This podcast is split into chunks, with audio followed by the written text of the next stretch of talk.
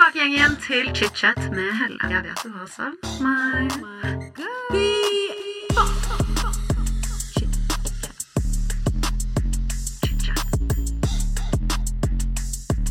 I dag får jeg besøk av programleder, podcaster og lege Katarina Flatland.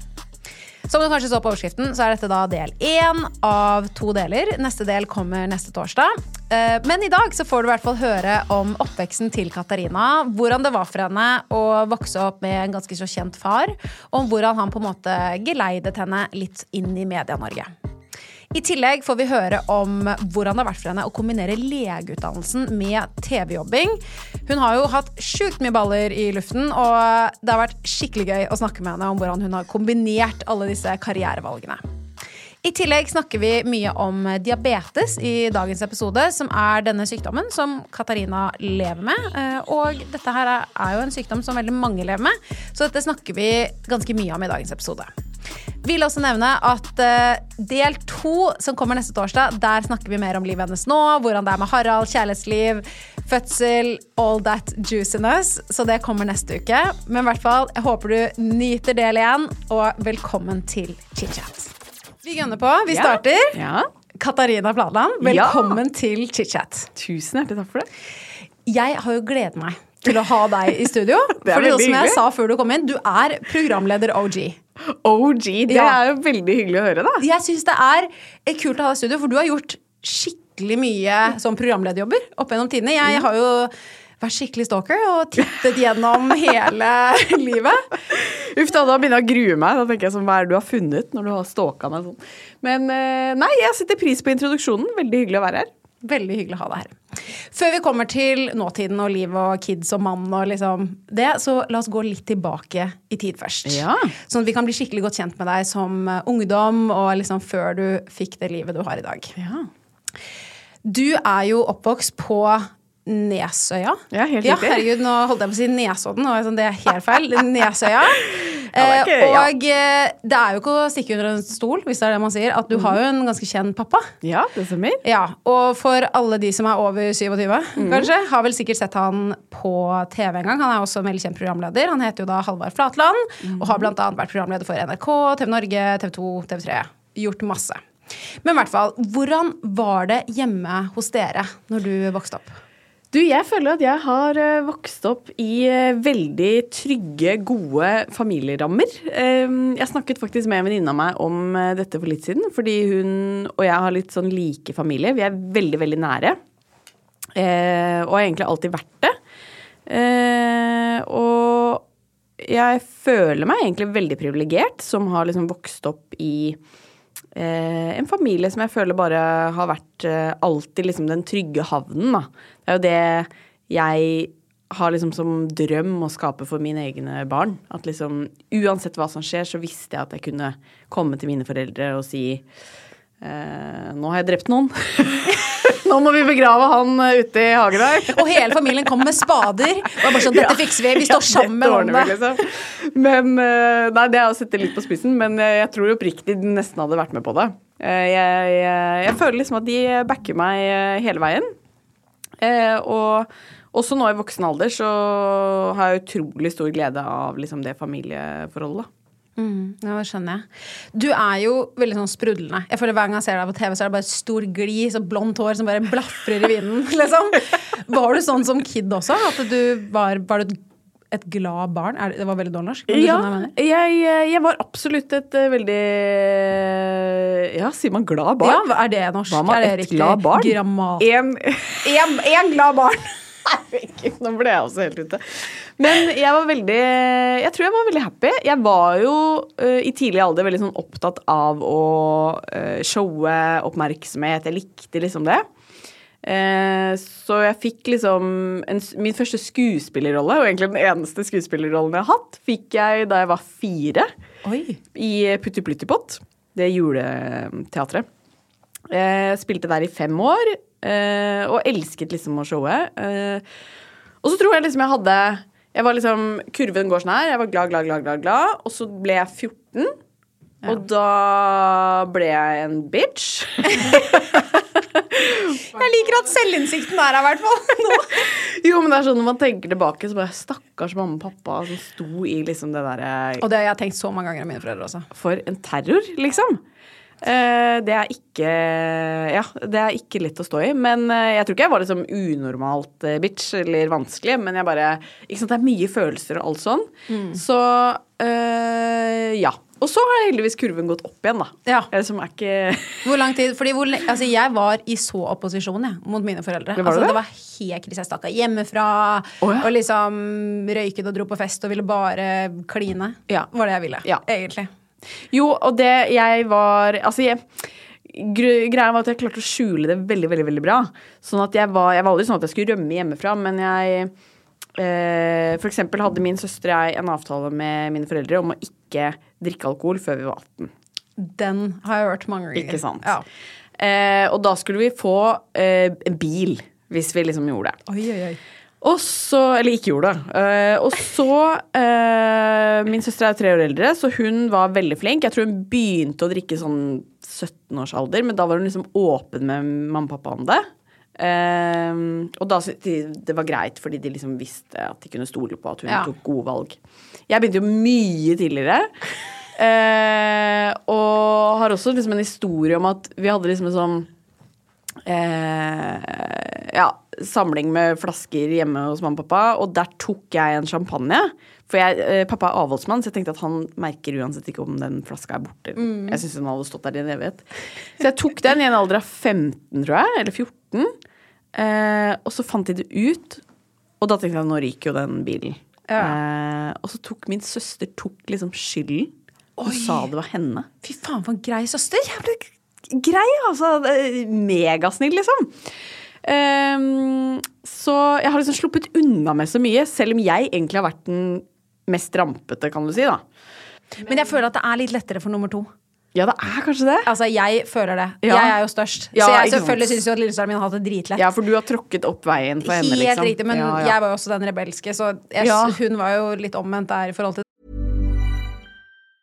Quality sleep is essential. That's why the Sleep Number Smart Bed is designed for your ever evolving sleep needs. Need a bed that's firmer or softer on either side? Helps you sleep at a comfortable temperature? Sleep Number Smart Beds let you individualize your comfort so you sleep better together. JD Power ranks Sleep Number number 1 in customer satisfaction with mattresses purchased in-store. And now, save 50% on the Sleep Number limited edition Smart Bed for a limited time. For JD Power 2023 award information, visit jdpower.com/awards. Only at a Sleep Number store or sleepnumber.com. A lot can happen in three years, like a chatbot may be your new best friend. But what won't change? Needing health insurance. United Healthcare Tri Term Medical Plans, underwritten by Golden Rule Insurance Company, offer flexible, budget friendly coverage that lasts nearly three years in some states. Learn more at uh1.com. Hiring for your small business? If you're not looking for professionals on LinkedIn, you're looking in the wrong place. That's like looking for your car keys in a fish tank.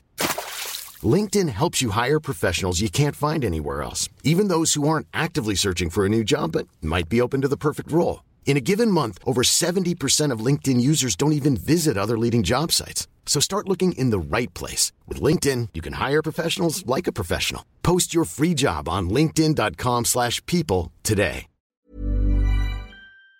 dere. Ja. Men spørsmålet er jo da, fikk du bil? Jeg gjorde det. Så det er mye de ikke vet om akkurat det der, men, eh, men samtidig, jeg var liksom Og det har jeg lurt på selv, liksom, hva er det med barneoppdragelse? Hvordan skal man oppdra? Fordi de som hadde det strengest, de var jo de som lå i grøfta mest drita. Det der er så sant. I russetiden, ja. Ja, Når de først kunne drikke, så var det jo sånn over pumpa ned på Yes. avrusningsavdelingen på Riksen, liksom. Ja. Så da tenker jeg at jeg må ikke være for streng. Men så kan det jo heller ikke være Jeg vil jo ikke liksom at det skal være sånn at jeg åpner en øl til barna mine, liksom. Det, det må jo være en mellomting. Eh, og der tror jeg på en eller annen måte mamma og pappa traff ganske bra. At de var eh, de, var eh, de var strenge, men viste liksom forståelse. Og jeg visste at hvis jeg blir så drita at jeg ikke finner veien hjem, så kan jeg ringe de og få fortsatt bo hjemme, liksom. Ja. Men det føler jeg også er viktig, at foreldrene mine har meg at jeg visste at de alltid var der. Ja. At hvis det gikk skikkelig til helvete, Ja. så kunne jeg alltid ringe de uansett. Yes. Jeg husker En gang så ble jeg tatt for stjeling på Hense Maurits, og så ble jeg hentet av politiet. Ah, og sendt til barnevernet. Altså, Nei, det jo, jo, jo. Jeg ble kjørt i barnevernet nede i sentrum. The lowest of the lowest. Og jeg tenkte sånn, Var du redd? Med, og selvfølgelig var jeg redd, og satt der som en liten emo-baby med sort hår og bare var så rebelsk. Nei, så. Men det som var jævlig, eh, var jo det at jeg tenkte sånn Eller jeg satt jo der med en venninne, og hun bare gråt og gråt og gråt. Og gråt Ja, Og hun var bare sånn Mamma og pappa kan bli så sur. Og jeg også tenkte sånn Nå kommer mamma og pappa til å blåse meg i Ja. rommet, liksom. Og så kommer pappa inn da på, på faen meg nede i sentrum, på barnevernsavdelingen nede i sentrum politistasjon. Og det første han gjør, er bare å få helt latterkrampe. Han får helt lættis og ser på meg, og så er han sånn Hvor tjukk i huet er du, lille drittunge? og, jeg, og jeg klarer liksom ikke å ta det seriøst. Jeg, liksom, jeg sitter der, og jeg vet ikke hvordan jeg skal reagere, for han er bare sånn Jeg ble tatt for å stjele et solpudder, det kostet 49 kroner. Altså, Ja, det var sånn, han var bare sånn How stupid can you get? Og Ja. i ettertid så syns jeg bare at måten de håndterte det, var så priceless. Fordi Ja. jeg følte meg så ræva at de hadde tråkket på meg da Mm. og dyttet meg enda lenger ned. Så vet jeg ikke om jeg hadde liksom klart å cope på den måten jeg gjorde. da Mm. Uh, Istedenfor så ga de meg De ga meg aldri liksom um, ikke lov til å gjøre noe. Men mamma sa noe så, ja, har dysleksi, så det verste jeg kunne gjøre i hele livet, var å skrive og lese. Ja. Og det visste de. Så de sa du skal skrive en 4000 ords stil på hva du har gjort galt. Nei, sant? Og så skal du fortelle eh, start til slutt. Og det er den verste straffen jeg har fått til dags eh, da- dato. Det var helt forferdelig. Og det er sånn jeg helt Og det funka sikkert, da. Det funket dritbra. Og Ja. derfor mener jeg liksom den tilnærmingen hvor du på en måte må se personligheten til barnet ditt, kanskje. Ja. Sånn som foreldrene dine gjorde med deg. Yes. Og bare ja, ta det litt som det kommer. Ja. Jeg tror det er smart, ass. Ja, og de har liksom alltid vært sånn eh, eh, For eksempel en venninne av min storesøster eh, satte liksom en sixpack, husker jeg, ved postkassa da hun kom, for de skulle på fest, og så skulle de gå igjen. Og da hadde pappa vært i posten, da, så han hadde jo sett at det sto en sixpack der. Og når hun da, min søster og venninna, skulle gå liksom på fest, så eh, tar de liksom med seg posen, og så kommer de på fest, og så er det liksom bytta ut med Sex Solo. Ikke sant? Og det er sånn, Istedenfor å bli dritsur og bare sånn nå skal, altså, ikke ta med dere en sixpack på fest eller få kjeft for det, så er det bare en morsom måte å si sånn Jeg ser deg, liksom. Så bare Ikke tro at dere er smartere enn oss. Vi har levd dette livet, liksom. det. Lurer ikke meg. Men jeg, jeg elsker egentlig dette Ja, litt. jeg har veldig sansen for det. Men øh, ja, og tenke mye over det når man får egne barn. At uh, liksom, hva er det jeg vil ta med meg, og hva er det jeg vil gjøre annerledes? Du, du reflekterer jo veldig mye over det. Eh, og det er definitivt liksom veldig mye de har gjort riktig, føler jeg, da. Ja. Som jeg har lyst til å gjøre videre for mine barn. Ja, det skjønner jeg. Men du har jo da, som du nevnte, en store søster. Mm. Jeg har også en lillesøster. Tror du det er annerledes med gutter, med tanke på at dere har to sønner? Jeg må si at jeg håper det litt. Det jeg håper er sånn lettere, er jo liksom den derre tenåringsperioden som er Ja, det må være lettere. Altså, jeg kan ikke se for meg at det, blir vanskeligere med gutter Nei. enn jenter. i hvert fall Fordi jenter er jo Ja, de kan være veldig vanskelige. Ja, det kan være jævlig vanskelig, ass. Og det håper jeg liksom ikke det blir. Um, og så må jeg si at jeg håper at Altså, jeg håper at det er bedre uh, Lettere for meg med gutter fordi uh, jeg syns det er så mye dritt jenter skal liksom stå i nå. Som Vi vokste Hvor gammel er du? eh, 28. Ja, ikke sant? Sånn at du øh, Jeg i hvert fall vokste liksom opp helt uten Instagram og alt sånn. Det kom, også. Ja. Hvor gammel var du da Instagram kom? Jeg si? Um, jeg husker at det var en jente i parallellklassen min i femte klasse som fikk en sort-hvitt telefon. Ja. Men ingen hadde på en måte smarttelefoner altså, før vi gikk på eh, Altså, jeg hadde ikke Snapchat i russetiden, for Nei, å si det på på den måten, da. Ja, så, um, så jeg er samme Ulla som Da deg. er vi samme, Ulla, og det er veldig deilig. Og det, eh, liksom, ikke sant, Å vokse opp uten Snapchat, Instagram, TikTok, det er jeg så glad for. Fordi jeg har liksom skjønt nå at folk eh, utsettes jo for bare innmari mye press. Um, og veldig sånn ubevisst press. Uh, man kan si liksom mye om det bildet til Sofie Elise, men, men uh, det signaliserer jo noe veldig tydelig til ungdom, om det er med hensikt eller ikke hensikt, det er en annen ting. Men jeg bare Jeg er så redd for at barna mine skal liksom påvirkes eller utsettes for så mye støy som jeg aldri liksom måtte ta stilling til, da. Um, og det er sånn oppriktig stor bekymring jeg har. Også den debatten nå i forhold til hvor liksom vanlig det er med dop, da. Uh, der også følte jeg at jeg vokste opp helt i en sånn derre Ja, det føler jeg også. Ja. Helt likt. Men det var også bare sånn jeg føler Jeg snakket faktisk litt med mamma og pappa om dette, for jeg var sånn Herregud, det kommer jo ikke dop liksom før nå. Og mamma og pappa gjør lett, de bare Vi er jo oppvokst i hippieperioden, Ja. så, så vi er jo litt annerledes enn deg igjen. liksom. Vi røyka og hei i går. Men da føler jeg det var mer sånn syre og sånne rare ting for sånne hippies. Jeg føler, Ja. vet kanskje de røyket litt weed, liksom. Ja. Men så føler jeg liksom etter det, og så vår periode, sånn 2000-tallet liksom til nå, så har det Mm. Jeg har aldri blitt Altså, jeg så ikke kokain før aldri jeg heller. var Bare for et par år siden. Ja. ja, jeg har aldri sett det Ja, ikke sant? fest, liksom. Jeg har ikke sett eh, Eller liksom blitt eksponert for det. Jeg tror mye har med å gjøre at du og jeg da Vi har ikke tenkt at det eksisterer. At liksom vi er sånn Herregud, folk tar jo ikke dop, Det er liksom. veldig sant. Det tror jeg også. Ja, fordi det sier liksom folk til meg bare sånn Hæ, så du ikke det? Det florerte, liksom. Så du ikke at folks pupiler var liksom vidåpne? Um, men uh... Det er sånn jeg ikke ser. Nei, jeg, jeg ser ikke for shit. Og så blir jeg sånn jeg, Når folk også er sånn så det så er sånn Jeg, jeg legger jo aldri merke til noens øyenfarge engang. Ja. Hvordan kan jeg se det da, på en måte? Ja. Og det som er synd, syns jeg, er at da vi da vokste opp, så i hvert fall hos meg, så var de som drev med dop, de var De, de var litt sånn utafor, på en måte. Altså, de var ordentlig tapere. Ja, altså, det, det var, var de det. som var liksom sånn sånn nå, nå slenger jeg de skategutta litt, Ja, ja. men det var de som liksom skata og hang under broen, som endte opp med å bli litt sånn nerkiser. Unnskyld, jeg sier det på Ja. den måten, men det var sånn det var da jeg vokste opp. Ikke sant? Og de begynte med sigg på skolehjørnet, og så ble det hasj, og så ble det kokain, og så ble det verre ting. ikke sant? Eh, og det er kanskje det som er bare sånn synes- Jeg syns er dritskummelt nå. At det virker jo som at folk syns liksom Eller folk vil at det skal fremstå som at det er fett å ta kokain. Og du er liksom kjedelig hvis ikke du tar kokain. Og, og det er jo helt sånn eh, Altså For meg er det helt sånn uforståelig tankegang. At det liksom er en eh, er et inntrykk folk sitter med. Så det, der må jeg bare liksom jobbe hardt med mine egne barn, for de skal faen ikke få lov til å utsettes for det der eh, dritet der, ass. Ja. Nei, altså, jeg er helt enig. Altså, Den dagen hvis jeg får kids, fytti grisen. Men eh, noe av det jeg så her om dagen, var at jeg, jeg Det var han derre komikeren, eller, og legen, Jonas Ja. eh, Hva heter King Berland? Bergland? Ja, Jonas Bergland. Ja, Jonas Bergland. Og han hadde skrevet et eh, innlegg eller kronikk om hvordan kokain lages. Og da Ja, var jeg sånn jeg. Hvis ikke folk har vært og lest det og vurderer å ta kokain, bare Ja, les det, dere! det. Så kan dere se hva som faktisk er i det drittet dere putter opp i nesen. Liksom. Fordi det fikk, da fikk jeg sånn Jeg ble nesten sånn Å, fy faen, er det dette Mm. folk Og jeg hører jo liksom Jeg har eh, familie som er liksom vært akkurat russ. Mm. Og hun bare fortalte liksom om hvor mye det florerer. Jeg bare Er det dette russen løper Ja, rundt og putter opp i nesen? Altså Vi snakker bensin, diesel, Ja. eh, med, blandet med sement, møter liksom blekemiddel. Jeg bare øh! Ja, og én ting er jo også Det så man jo på den festen som var nå i Østfold, den russefesten hvor folk ble mm, eh, de har fått i seg et eller annet de ikke aner. altså Legene visste ikke hva det var, for det er et nytt syntetisk dop da, som de tror at florerer. Eh, og én ting er Hadde du visst at det var ren kokain jeg sier ikke at da, Det er jo ikke noen forskjell for meg. Jeg syns det er helt sjukt å ta det i utgangspunktet.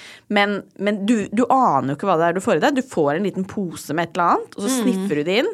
Og det andre jeg syns er en sånn natta, er jo bare å tenke på at folk eh, De skal spise vegansk, og de skal spise raw food, og de skal være jævlig opptatt av det.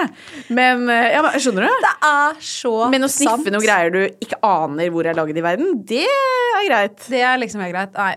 Ja. Hyklerier. Hyklerier Det kan man bare si. Det kan man bare si. Men tilbake til deg og Mm. ditt liv.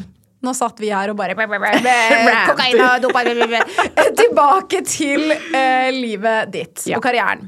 Altså, du har jo vært TV-programleder mm. veldig mange eh, år, holdt jeg på å si. Og jeg, første gang jeg så deg, var jo da i Jakten på kjærligheten. Ja, ikke sant? Altså, herregud.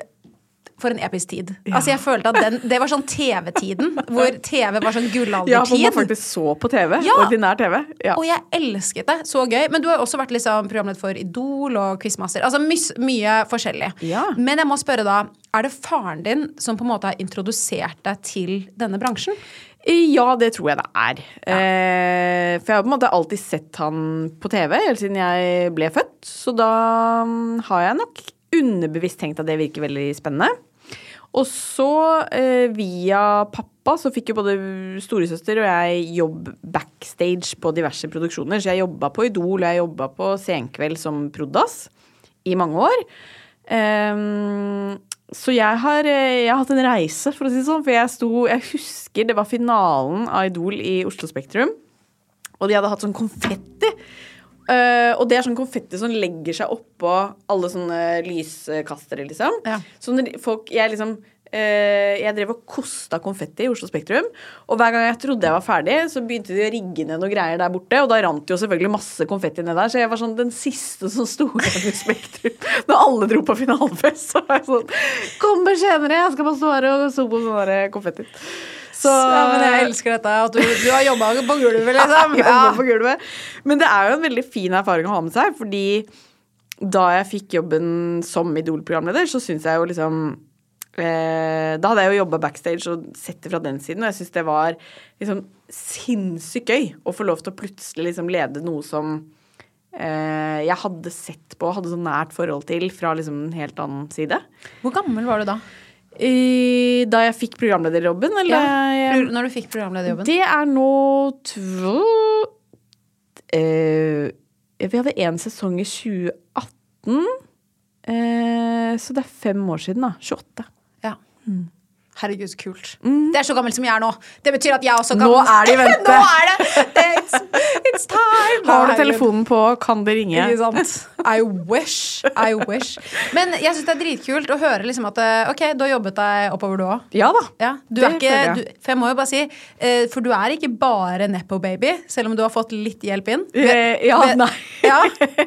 nei, jeg føler ikke det. Jeg føler at eh, Det har jeg i hvert fall tenkt, da, at min aller første jobb innenfor eh, altså TV som programleder, da tenker jeg at Der var jeg gjennom auditionrunder og alt for å lede sånn ungdomsprogram på TV 2. Og det kan godt hende eh, Jeg tror ikke det, men, for jeg tror ikke det er sånn på en måte norsk TV fungerer. Men eh, si jeg hadde fått muligheten, da, fordi jeg hadde en kjent pappa som også jobbet på TV. Så tror jeg at hvis ikke jeg hadde på en måte hatt noe der å gjøre, så hadde jeg ikke fått flere jobber. Det vet jeg jo på en måte. Ja, du, du lever jo ikke lenge på en sånn eh, innpassbillett. Nei, man går fort ut på dato Ja. i den bransjen her. Så, så der er jeg liksom trygg på at eh, ok, om første jobb kom på grunn av det, så har de andre liksom vært fordi man har eh, gjort en god jobb, da. Absolutt. Absolutt. Men du har jo da åpenbart hatt mye å gjøre. Altså Mhm. alle disse årene. Du har jo hatt mange baller i luften. Og så var du sånn Nei, nå skal jeg bli lege. Nei, jeg har ikke noe å drive med, jeg. Jeg har ikke noe karriere, jeg, liksom. Så nå skal jeg bare ta på meg en av Norges hardeste, vanskeligste studier. Altså, hvorfor valgte du å starte på legeutdannelsen? Ja, innmari godt spørsmål. Why? Um, nei, altså Jeg tror eh, det er to ting. Jeg har alltid hatt lyst til å bli lege. Um, så den drømmen hadde jeg på en måte lyst til å fullføre uavhengig av hva annet jeg fant på i livet. Uh, og så er det også det at um, jeg syns TV og TV-bransjen og mediebransjen er supergøy og superspennende. Men jeg har nok hatt litt behov for å ta en utdannelse ved siden av som gjør at hvis og eventuelt når og denne jobben liksom ikke eksisterer lenger, eh, så må jeg ha noe som definerer meg, og som jeg er stolt av, og som jeg har lyst til å drive med, som ikke er TV. Fordi eh, TV-bransjen er også veldig uforutsigbar, og i det ene øyeblikket så er du hot, og det andre er du not, på en måte. måte. Eh, og da har ikke jeg lyst til at TV er det eneste jeg kan. Så jeg kunne jo absolutt valgt noe lettere. ikke sant? Det er ikke sånn Å ja, du må være jobb på TV eller lege. Jeg kunne jo liksom eh, Jeg har tatt noe mye enklere, men eh, men akkurat der og da så hadde jeg veldig lyst til å bli lege, og jeg er veldig glad for at jeg har gjort det. Og jeg syns at det er et utrolig spennende yrke. Eh, men liksom veien hit har jo vært innmari liksom lang og kronglete for å få til den medisinutdannelsen. Ja, fordi du har jo gjort så mye sjukt på siden. Altså, det er jo sånn mye, ja, mye som har tatt tid, da. Ja, ja. Det kan si. Så mm, ja, det har ikke bare liksom vært enkelt, for jeg har jo mange ganger tenkt sånn ja, men kjære vene, kan du ikke bare nyte jobben eh, på TV? Her og nå, liksom. Nyt øyeblikket. Og det har jeg prøvd å gjøre, men, eh, Men jeg har liksom uh, hatt mye ved siden av òg, da. Men har du alltid hatt en drøm om å skulle bli lege, eller var det sånn du på en måte vokste inn i det i voksen alder? Nei, mamma er jo sykepleier, så jeg har liksom valgt begge foreldrenes eh, retninger, da. Fordi mamma er sykepleier, så da ble jeg lege. Og pappa er programleder, da ble jeg programleder. Um, så jeg har tilfredsstilt uh, hele familien. Hele familien er dritfornøyd med deg, jeg bare å si det. Ja, jeg tror de er mest fornøyd med at jeg har blitt lege. Også fordi nå er det sånn Du, eh, nå har jeg vondt i den foten igjen. Hva kan det være? Det syns jeg er veldig praktisk. There's never been a faster or easier way to start your weight loss journey than with PlushCare. PlushCare accepts most insurance plans and gives you online access to board-certified physicians who can prescribe FDA-approved weight loss medications like Wigovi and Zepbound for those who qualify. Take charge of your health and speak with a board-certified physician about a weight loss plan that's right for you. Get started today at plushcare.com slash weight loss. That's plushcare.com slash weight loss. plushcare.com slash weight loss. Quality sleep is essential. That's why the Sleep Number Smart Bed is designed for your ever evolving sleep needs. Need a bed that's firmer or softer on either side? Helps you sleep at a comfortable temperature? Sleep Number Smart Beds let you individualize your comfort so you sleep better together. JD Power ranks Sleep Number number 1 in customer satisfaction with mattresses purchased in-store. And now, save 50% on the Sleep Number limited edition Smart Bed for a limited time. For JD Power 2023 award information, visit jdpower.com/awards. Only at a Sleep Number store or sleepnumber.com. Here's a cool fact a crocodile can't stick out its tongue. Another cool fact you can get short term health insurance for a month or just under a year in some states. United Healthcare short term insurance plans are designed for people who are between jobs, coming off their parents' plan, or turning a side hustle into a full time gig. Underwritten by Golden Rule Insurance Company, they offer flexible, budget friendly coverage with access to a nationwide network of doctors and hospitals. Get more cool facts about United Healthcare short term plans at uh1.com. Men du, det der faktisk er så sant. Jeg føler at det er sånn alle som er leger. Litt sånn som Jan Thomas som driver og ringer mannen din hele tiden. Ja, ja. Jeg føler leger får så mye samtaler sånn random Ja. mennesker og folk de har møtt gjennom jobb og venner og kollegaer som er bare sånn Du, jeg har litt vondt i den lille tåen, egentlig. Ja. Men det er veldig fascinerende med det legegreiene. Fordi jeg har snakket med litt sånn kiropraktere og fysioterapeuter og sånn også, og det er litt sånn eh, Jeg tror liksom noen ganger at folk tenker sånn du syns sikkert det er gøy å høre om det her, liksom. Så ja, sånn, de tror det, ja. eh, jeg opplever litt det, og veldig ofte er det det, men uh, hvert fall det er jo for- fortsatt jobben din, da. Ja, ikke sant. Ja. Og for kiroprakter, uh, kiropraktorer så har jeg skjønt at liksom det å sitte i en middag Det er alltid noen som har vondt i ryggen eller skulderen. ikke sant? Så det er sånn, Jeg hadde en kamerat han bare sånn Jeg prøver å unngå å si hva jeg driver med. For da er det sånn Du, jo, kan ikke du se på den skulderen? For at jeg Et eller annet sånn greier. Så er det sånn, ja. Ehm, men jeg syns jo, syns jo at det er veldig gøy å nå være på et sted i livet hvor jeg faktisk kan svare på de medisinske spørsmålene.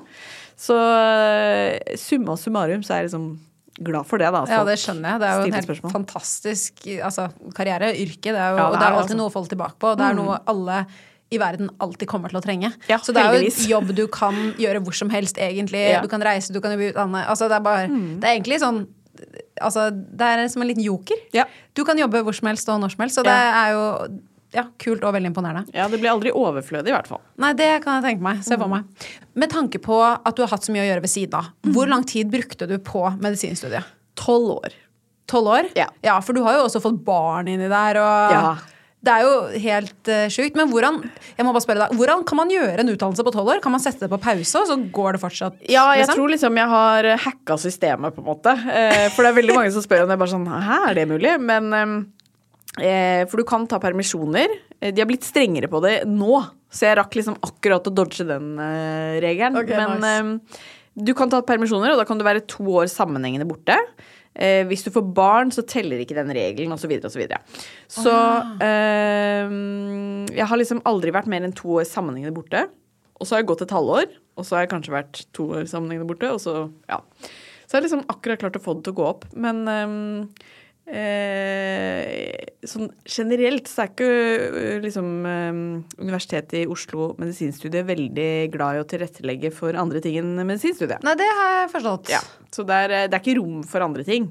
Nei. Men, men, det er, jeg skjønner jo det. Det er jo kamp om de plassene, og jeg skjønner at liksom skal du først utdanne leger, så er det fint at de gjør bare det. Men eh, det er jo litt synd også at eh, man ikke kanskje får litt mer sånn mangfold, da, av type mennesker. Fordi jeg tror det er ganske mange mennesker som hadde vært gode leger, men som også har andre interesser enn bare kropp. Det er jeg så sinnssykt enig i. Og det Ja. snittet nå for å komme inn. Altså, Ja. jeg får helt vondt i magen jeg, bare å tenke på hva de kidsa som går ut av videregående nå, Ja. skal gjøre. Og, og ja, sånn som du sa, tenk hvor mange sinnssykt kule mennesker ute som hadde vært fantastiske leger, eh, som kunne snakket med altså, eh, pasienter og gjort en skikkelig bra jobb, og så Ja. får de ikke muligheten pga. systemet lagt og sånn der. er. Men ja, jeg vet ikke hva jeg skulle gjort for å forandre det heller, så jeg sitter jo her og er litt sånn eh, hyklerisk, kanskje. Men, eh, men ja, det er en, eh, virkelig en, eh, et tema, da. Herregud. jeg er helt enig. Men med tanke på medisin, og ja Du lever jo selv med en sykdom som ganske mange i Norge har. Men, og man hører jo alltid om en eller annen i nær relasjon ofte som har det, og det er jo diabetes type 1. Yes. Ja. Som sagt, dette er jo en sykdom som alle har hørt om. Og jeg føler alle har enten hatt en i klassen sin, eller kanskje man har en onkel eller en tante eller et eller annet som har diabetes. Og jeg eh, har jo føler, har levd med diabetes livet mitt, hele livet mitt, fordi bestevennen min har diabetes. Eh, og diabetes er jo en sykdom som er sykt mye mer alvorlig enn det jeg trodde når jeg vokste opp. Man hører om det, det er sukkersyke, og du bare setter noe insulin, så går det fint. Men det er så sinnssykt mange aspekter med denne sykdommen som er så innviklede, og jeg tenkte at vi må snakke litt om diabetes. Yeah. Diabetes awareness. Men kan ikke du fortelle litt om dagen du fikk påvist diabetes? Jo.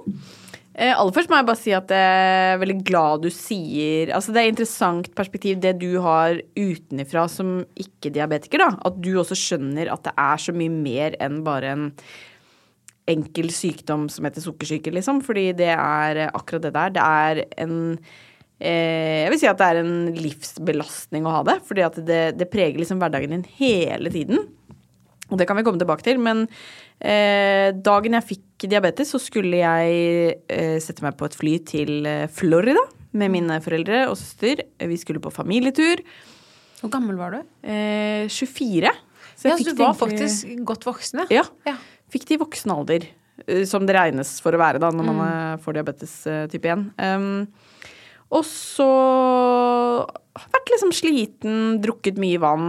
Uh, og jeg har ikke ord på hvor mange ganger noen venner av meg sier sånn Jeg lurer på om jeg har fått diabetes. Jeg drikker så mye vann. så jeg føler sånn uh, Det er jo veldig sånn uspesifikke symptomer. Tisse Ja. ofte, drikke mye. Ja. Det kan jo gå i perioder. Absolutt. Eh, men i hvert fall så den siste natta før jeg skulle reise, så hadde jeg vært oppe og tissa åtte ganger om natta. Og det var Ja. liksom mye. Det var ikke bare sånn at blæra føltes eh, sensitiv, liksom. Jeg ja, tissa veldig mye vann. Og så er- var jo da min mann Han var jo ikke ferdiglege, men han var på legestudiet han også, så han sa sånn mm, Jeg bare syns ikke du skal sette deg på det flyet her før du har tatt en blodprøve. Og jeg skjønte ikke engang hvilken blodprøve han tenkte på, eh, men dro innom fastlegen. Fikk målt blodsukkeret med liksom kofferten i den ene hånda, hvor jeg var sånn Jeg skal til Florida, så driter i hva den blodprøven her egentlig sier. Og så sa de på legekontoret bare sånn Du vet hva, vi får ikke målt blodsukkeret her, for det var det de prøvde å måle. Det sto liksom error på den der blodsukkermåleren. blodsukkermåleren. Eh, du må på sykehuset. Og da eh, var det jo bare å vinke farvel til mine foreldre og søster, fordi jeg var sånn Dere må rekke flyet, eh, mens jeg skal bare få tatt denne blodprøven, og så kommer jeg etterpå.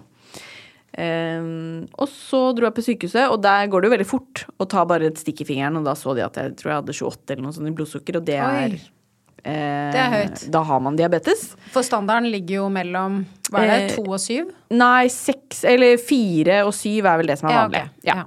Eh, og så eh, var jo det som var liksom vondt med det hele, var at da jeg fikk den beskjeden, så hadde liksom uh, mamma, pappa og Bettina rukket å liksom sette seg på flyet og reise.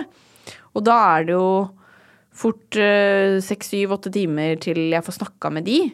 Og Harald kom jo med en gang og, og var der for meg og sånn, men men å få en sånn beskjed om at du har fått en kronisk sykdom Heldigvis skjønte jeg liksom ikke helt sånn alvoret kanskje med en gang, men, men å få den alene syns jeg liksom i ettertid har vært så sårt. Fordi vi er sånn familie hvor liksom alt skjer sammen. Og det syns jeg var så vondt at liksom de var der. Og så ble de også der, fordi jeg i en litt sånn sjokktilstand var bare sånn Nei, men ikke, bli nå en uke, hjem, liksom. liksom, Ja, ja. Om dere kommer hjem i morgen eller om fem dager, det har liksom ikke så mye å si. Men det tror jeg egentlig det hadde, fordi eh, når man blir syk, og det gjelder diabetes eller kreft eller eh, noe mindre farlig for den saks skyld, så, eh, så tror jeg at eh, vi mennesker eh, har veldig behov for å bare ha de nærmeste rundt oss. Eh, og det hadde jeg liksom ikke da. Jeg hadde Harald, men skulle gjerne liksom hatt enda flere, da. Så det har vært sånn sårt etterpå, men, men eh, det var på en måte bare sånn det ble jo. Bra du hadde din kjære der, da. Ja, det er jeg veldig glad for. Det var veldig bra. Men herregud, vi skal snakke mer om han etterpå. Men jeg fikk jo helt sjokk nå at du sa du var 24. Dere har vært sammen i herrens år. Ja, vi har vært sammen. det er helt riktig. Vi har vært sammen i tolv år. Herregud, ja. veldig gøy. Han skal få sitt eget avsnitt i poden. Så, Ja, det er fint, ja. så han, han kommer vi tilbake til nå etter vi snakker litt om uh, diabetes. Men det skal jo sies da at du har jo diabetes type 1. For det Mm. finnes to typer diabeteser. Diabetes type 1 og diabetes type 2. Jeg syns det er helt sjukt at disse to diabetesene heter begge diabetes, fordi det er som to vidt forskjellige sykdommer. Kan ikke du bare fortelle kjapt hva som er hovedforskjellene på disse to sykdommene? Ja, diabetes eh, type 2, da, for å ta det først, for det er vanligst. Mm, det er en livsstilssykdom, så det kan være genetiske varianter hvor du har en økt sjanse for å få det. Eh, men det er først og fremst eh, en livsstilssykdom hvor man eh, gjerne har litt overvekt eh, og får en insulinresistens i kroppen. Altså det vil si at cellene de trenger jo sukker for å funke. Eh, For å få sukker inn i cellene så trenger vi insulin. Men da blir cellene mer resistente mot insulin. Mens kroppen til diabetes type 2-pasienter de klarer å produsere insulin. De har ikke en insulinmangel. Og de kan også bli kvitt sykdommen sin hvis Eh, de legger kan om ja. livsstil. Yes, Ja. Det kan reguleres i stor grad med kosthold. Eh, litt med tabletter, og i noen tilfeller insulin, sånn som eh, diabetes type 1-pasienter bruker. Diabetes type eh, 1 det er en eh, sykdom som ikke har noe med livsstil å gjøre. Det er eh, egentlig bare uflaks, kan man si. Um, og der har man eh, Der har det skjedd at liksom eh, bukspyttkjertelen slutter å produsere insulin. Vet man hvorfor det skjer? Nei, og det har vært forsket masse på. Noen har snakket om at det kan være et virus, at man eh, får en virusinfeksjon i ung alder som gjør at den blir ødelagt. Eh, men der har man ikke klart å finne noe eh, godt svar. Og det er veldig synd, fordi da har man jo også tenkt kunne man lagd en vaksine mot diabetes, hvis man klarte å finne liksom, om det var et virus. Men det har man dessverre ikke gjort ennå. Så da slutter man å produsere insulin, og den insulinproduksjonen den vil aldri kunne komme i gang igjen. Så det er liksom de eh, cellene som ødelegges, de er permanent ødelagte, da. Ok. Ja. Ja. Eh, og det kan ikke reguleres med kosthold eller eh, piller. Det må reguleres med insulinsprøyter. Ja. Som må settes til alle døgnets jævla tider. ja, det er sant. Ja, det er helt sjukt. Det er jo ekstremt mye å sette seg inn i når du får denne sykdommen. Eh, mye mer enn det jeg trodde i starten. Og det oppdateres jo hele tiden. Altså utstyret man bruker, og sånn som min bestevenninne nå. Jeg ringte henne før uh, jeg kom hit, eller hun sa jeg kan utlevere alt.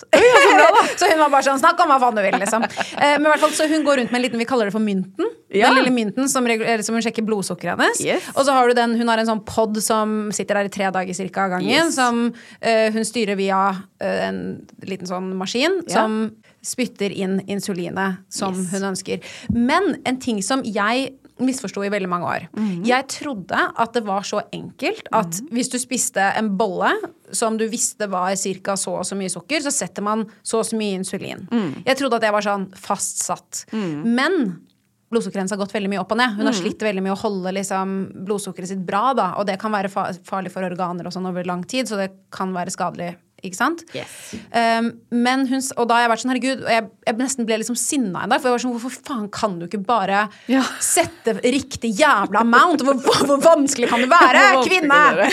og hun ble liksom så sur og bare sånn, Helle. Jeg skjønner at du har sett dette fra utsiden hele ditt liv, på en måte, men det er ikke så jævla lett. Dette kommer helt an på omstendigheter, det kommer an på hvor mye jeg har drukket, det kommer an på hva jeg spiste i går, det kommer an på hvor mye jeg har sovet. det kommer an på...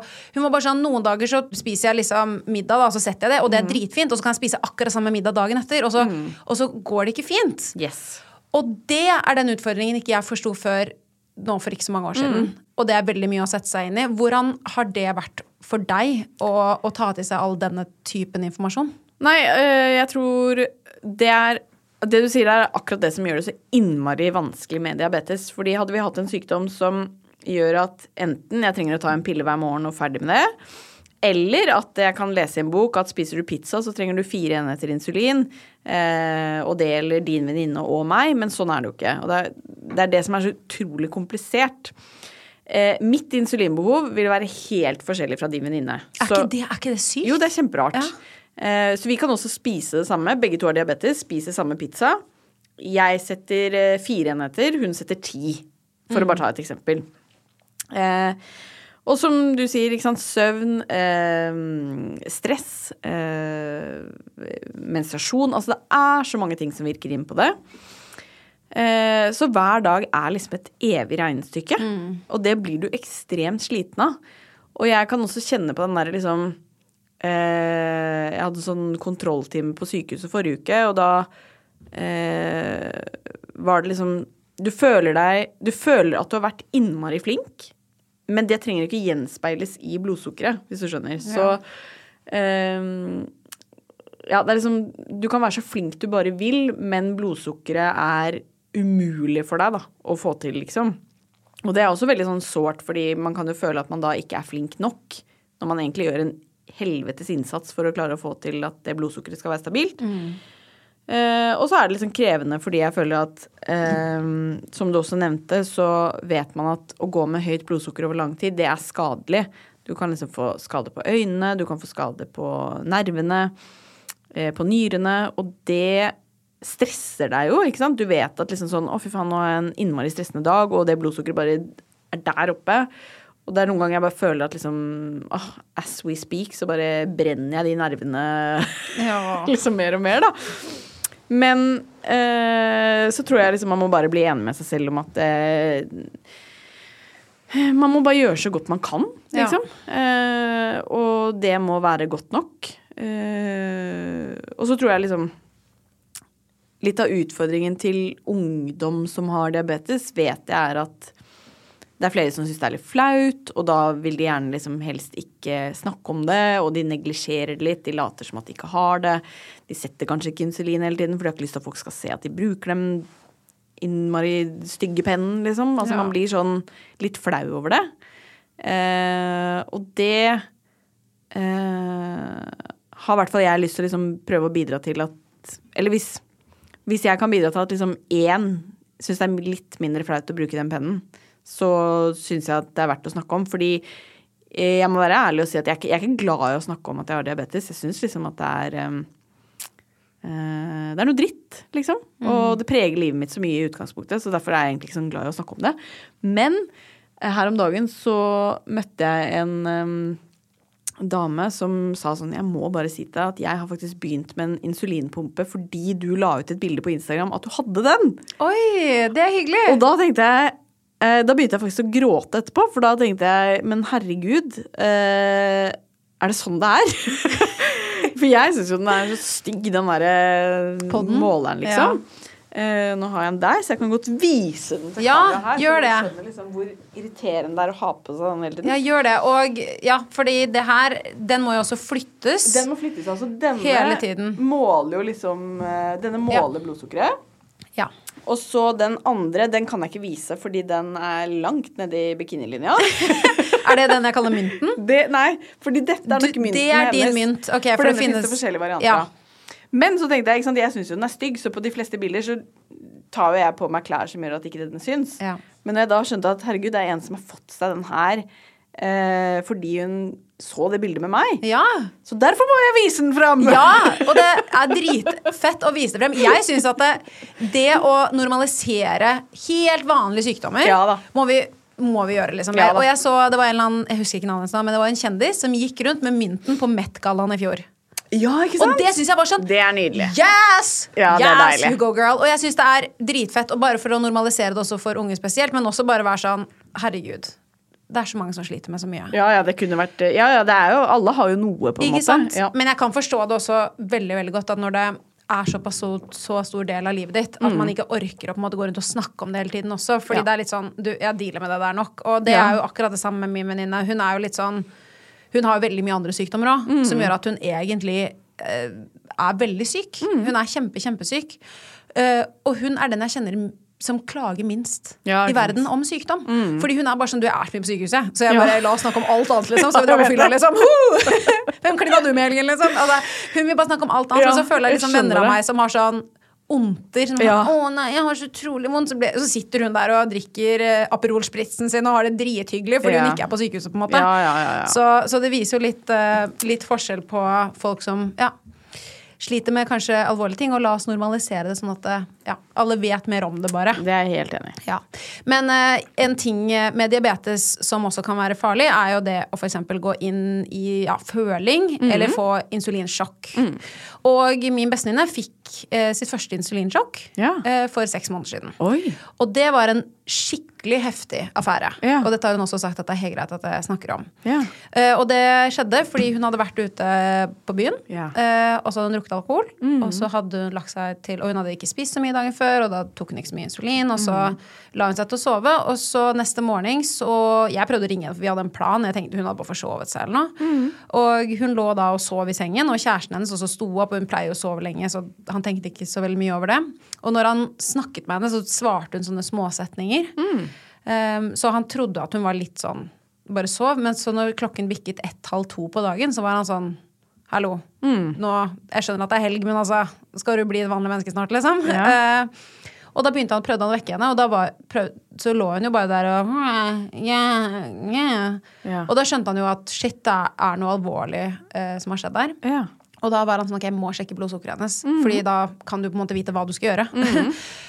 Men hun nektet. Hun, hun ble eksorsisten. Altså, det er helt jævlig. Vi kan le av det nå, men da, Ja, ja, ja, var det helt forferdelig for kjæresten hennes. Ja, fordi. Hun, øh, hun ble en helt annen hun gikk, Det er litt som hvis man har sett en person som går i psykose. Ja. Så er det litt som det samme. Hun husker ingenting av dette. Nei. Og det som skjer der, at han prøver da å stikke henne i fingeren for Mhm. å ta en sånn gammelt apparat, på en måte. Det nektet hun. Gikk ut i stuen og la seg liksom ned der og hel scene. Og så prøvde han å ta mobilen hennes, fordi den, den mynten har en app på mobilen også som kan se hva blodsukkeret hennes er. Mhm. Eh, ha, skulle ikke gjøre Face ID, og hun løp rundt i leiligheten, og det eneste hun skrek, var oi. Oi! Oi! Oi! Og hun var helt eksorsisten. Og det ender jo med at kjæresten får jo ikke tatt blodsukkeret hennes. Hun nekter jo å spise noe. Hun helt ute av det. Ender med at han må ringe ambulanse. Ambulansepersonell kommer. Eh, De prøver å sette intravenøs på henne. Ja. Og hun sitter og skriker og rister og drar ut intravenøsen. Det er blod overalt. Nei, og, disse, ja, ja, og dette er på grunn av diabetes, altså. Og så ender det med da, at eh, hun uh, fikk ren glukose Mm. uh, av person, altså. Og han kjæresten satt jo og gråt, og det var Nei, liksom bare stakkars. helt krisestemning. For hun har, aldri, vi har, aldri, hun har hatt diabetes siden vi var jeg tror hun fikk når vi var 12. Aldri skjedd. Og nå Mm. Er jo hun 29, ja, 28. Ja.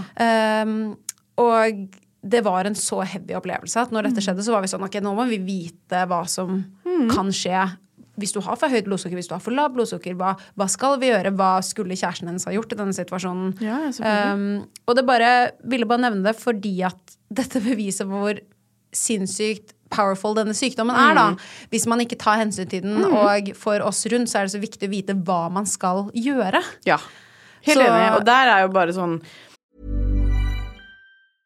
Want to get a chiseled look in the jawline? Sculpt and shape your jawline with added volume from Juvederm Volux XC. Juvederm Volux XC is an injectable gel specifically designed to be robust enough to improve moderate to severe loss of jawline definition. And it is the first and only hyaluronic acid filler approved for the jawline. Add volume to your jawline for a chiseled look with Juvederm Volux XC. For important safety information and to find a licensed specialist, visit juvederm.com. That's J U V E D E R M.com. Not for people with severe allergic reactions, allergies to lidocaine, or the proteins used in Juvederm. Common side effects include injection site redness, swelling, pain, tenderness, firmness, lumps, bumps, bruising, discoloration, or itching. There's a risk of unintentional injection into a blood vessel, which can cause vision abnormalities, blindness, stroke, temporary scabs, or scarring. Talk to a licensed specialist to find out if it's right for you. Visit juvederm.com. That's J U V E D E R M.com.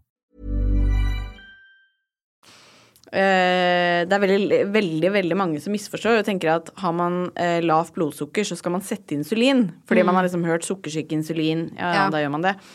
Men da tar du jo livet av pasienten. Så det tenker jeg at hvis du er rundt noen mennesker som har diabetes, så skal du aldri sette insulin. Nei, aldri. Altså fordi det å ha høyt, det er egentlig ikke så farlig. Eh, altså det er ikke akutt farlig å ha høyt. Det er akutt farlig å ha lavt, og det er da man må liksom agere eh, som mennesker rundt, da, sånn som han kjæresten Mm. prøvde å gjøre. Så bare aldri tenk på insulin eh, hvis du er rundt folk som har diabetes. Eh, tenk sukker, sukker, sukker. Så hvis Ja. noen liksom faller om, har diabetes, gi sukker. Mm. Og det er om smøre honning på innsiden av munnen, eller liksom Ja. et Fordi han hadde jo prøvd å gjøre det, eh, men det var ikke nok. Nei, Hun var liksom for utare Ja. at det ikke hjalp. Så det var derfor de satt liksom ren Glukose. Ja, så bare rett i systemet, liksom. Ja. Um, og det satt jo en skikkelig støkk i Ja, hele familien, og oss, og litt sånn Og egentlig spørsmålet var mer sånn hva hadde skjedd hvis hun hadde bodd alene? Ja, det kan du si. Um, For jeg ja. har et familiemedlem som har gått inn i koma Mm. av personen har bodd alene. uh, som har endt opp med å, uh, for å være så ærlig, miste kroppsdeler. Da. At Mm. de må uh, måtte amputere fordi at kroppen ikke taklet uh, ja, de uh, traumene da, Mm. som kom av det.